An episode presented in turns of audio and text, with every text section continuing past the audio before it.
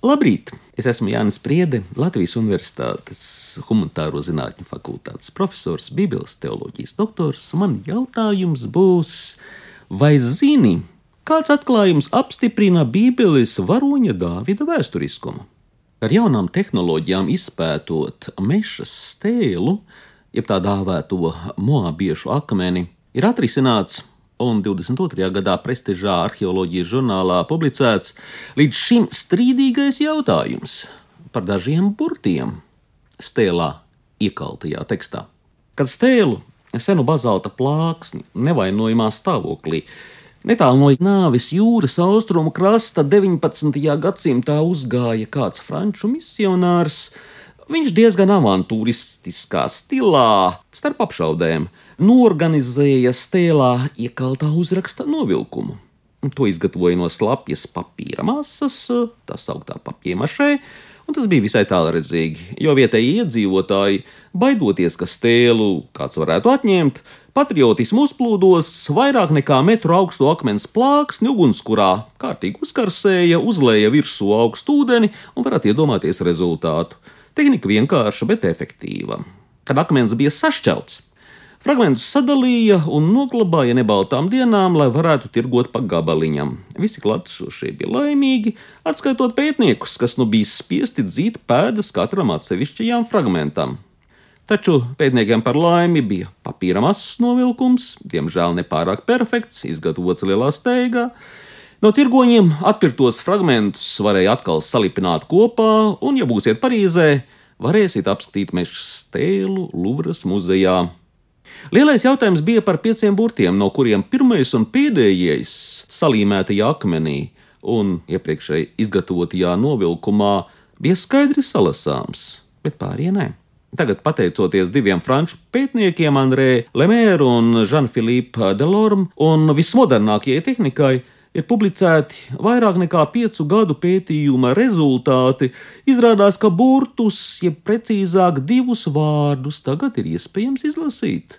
Šajā meža stēles teksta daļā moabiešu valdnieks, un atcerēsimies, viņš dzīvoja nāves jūras austrumos, mūsdienu Jordānijas pusē, lielās par saviem panākumiem, atgūstot teritorijas, kuras savā laikā bija nonākušas rietumkrasta valdošā nama, jeb dinastijas rokās un kas bija šī dinastija, to tagad skaidri apliecina akmenī iecirstais teksts.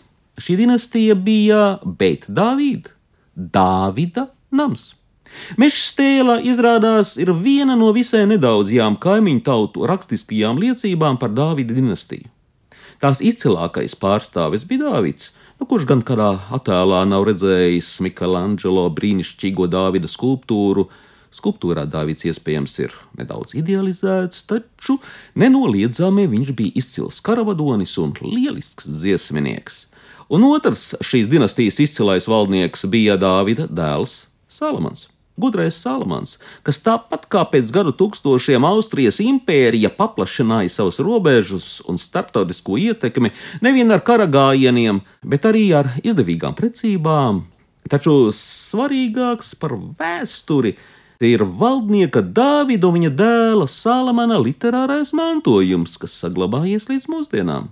Turklāt ne tikai saglabājies, bet arī noslīpējies paudžu paudzēm, pārrakstīts, spodrināts, papildināts, tūkots dažādās valodās, gan pirms, gan pēc Kristus dzimšanas. Kurš gan, piemēram, nav dzirdējis dziedam psalmus? Lielu daļu no psalmiem ir rakstījis Dāvids. Tādēļ dažkārt grāmatu izdevēji gan mazliet neprecīzi, visu psalmu krājumu dēvē par Dāvida dziesmām.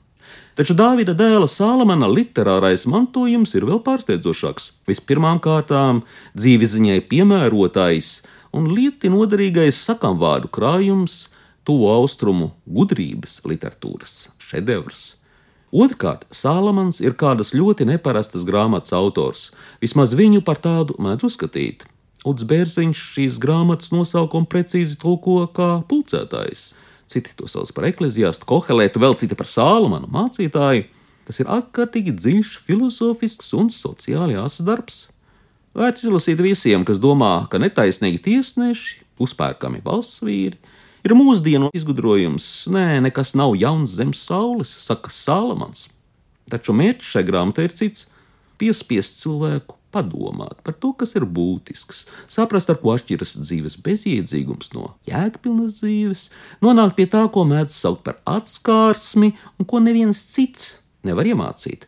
Un treškārt, Salmans ir uzrakstījis dziesmu, dziesmu savai mīļotajai, sulamītei, visbrīnišķīgāko mīlestības dziesmu, ko nereti vedējtājs un vedēja māte deklamē kāzas sarīkojumā, bet kas ir daudz dziļāka un ne tikai mīlas lirika vien.